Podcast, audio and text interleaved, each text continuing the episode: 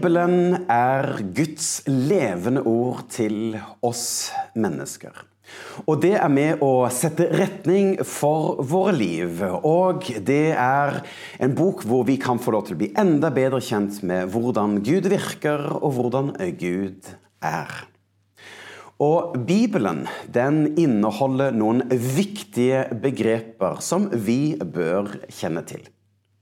Ja, Litt på samme måte som når du driver med et ordinært eh, kart og kompass, så kan det være en fordel å kjenne til noen begreper eh, som målestokk, ekvidistanse, kompasskurs og krysspeiling. Ja, nå er det ikke nødvendigvis at du må nødvendigvis kjenne til alle begrepene, men det å kjenne til innholdet, det hjelper deg i møte med når du skal til å peile ut en kurs. Og litt på samme måte så kan vi si at det er med Bibelen og noen av begrepene.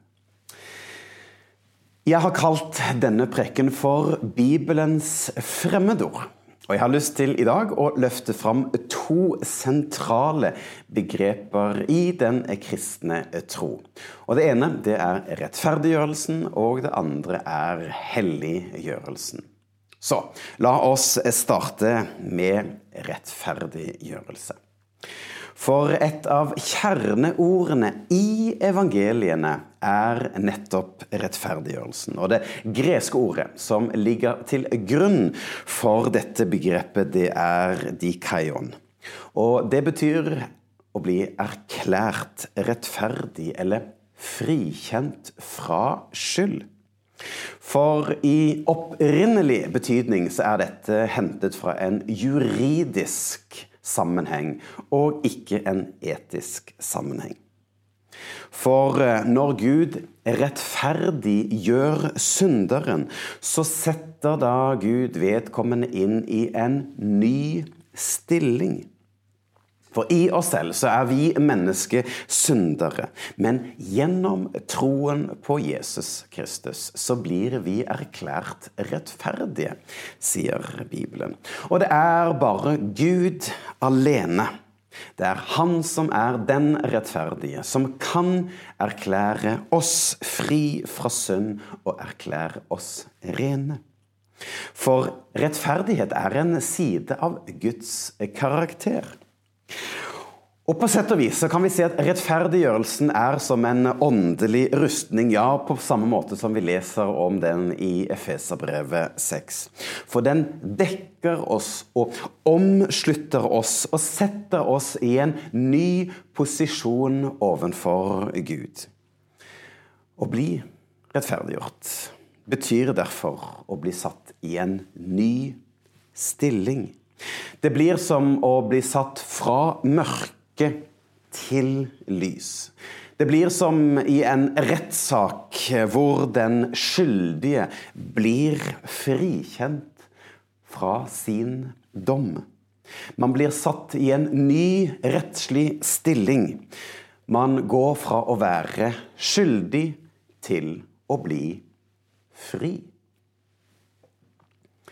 Og dette gjøres kun ved at Jesus tok vår straff og vår synd og vår skyld på seg. Da han valgte i kjærlighet å dø på et kors for deg og for meg. For i kjærlighet, i ren kjærlighet, ga han sitt liv for at du og jeg skulle få lov til å gå fri.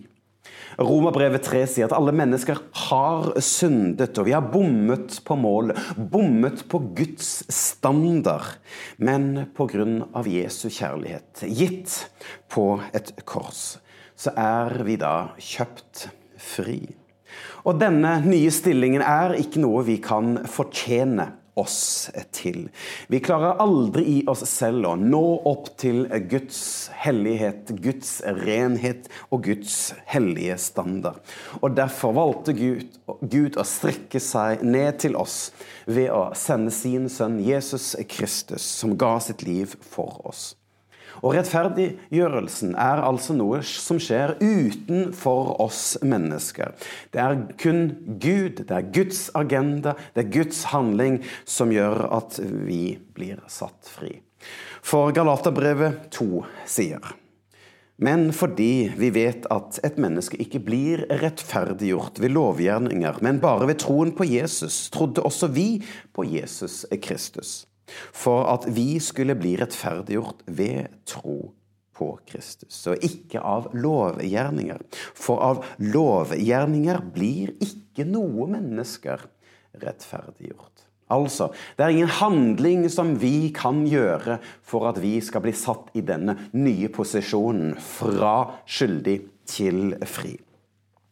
Og rettferdiggjørelsen og tro det henger nøye sammen. For når vi tror på Jesus Kristus som Guds sønn, så blir vi altså frikjøpt fra synd, skyld og dom og skam, og blir satt i en ny posisjon ovenfor Gud som Guds barn. Og vi blir erklært rettferdige.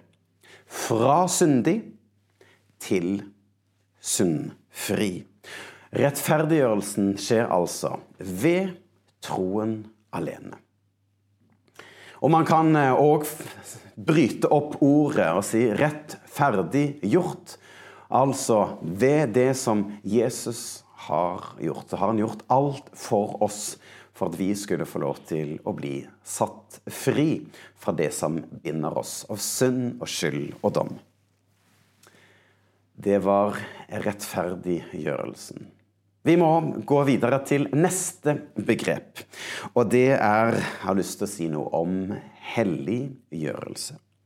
For når vi leser om Peters første møte med Jesus, så leser vi nærmere hva mesteren sier så fint. For du, Simon, sønn av Jonah, du skal kalles Kefas, som betyr Peter. For i møte med Jesus så fikk Peter et nytt navn. Eller Simon fikk et nytt navn til Peter. Og på sett og vis så får vi òg en ny identitet når vi tar imot Jesus. For når vi begynner å tro tar imot frelsen, så blir vi født på ny. Det kan vi lese om i eh, Johannes 3. Og Jesus han inviteres inn i vårt hjerte. Vi blir Guds barn, og han kaller oss til å tilhøre ham. Og på den måten så formes vårt indre til å bli mer og mer lik ham. Og Det er denne prosessen som kalles for helliggjørelse. Og på samme måte så ser altså Jesus på oss slik som han gjorde da med Peter. Altså, han ser på oss her og nå, men han ser òg på oss, den vi potensielt kan komme til å bli. For Jesus han kjenner til vårt indre. Han kjenner hvordan han har skapt oss med våre gaver og talenter og det vi er og det vi har. Han kjenner vår framtid og det som bor i oss, og han har gode tanker for vår framtid.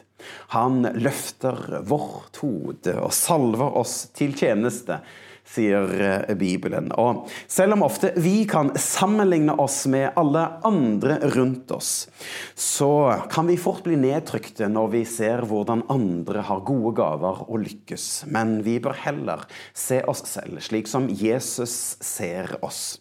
For han vet hva som bor i oss, og han ønsker at vi skal få lov til å gå så sterke som vi er.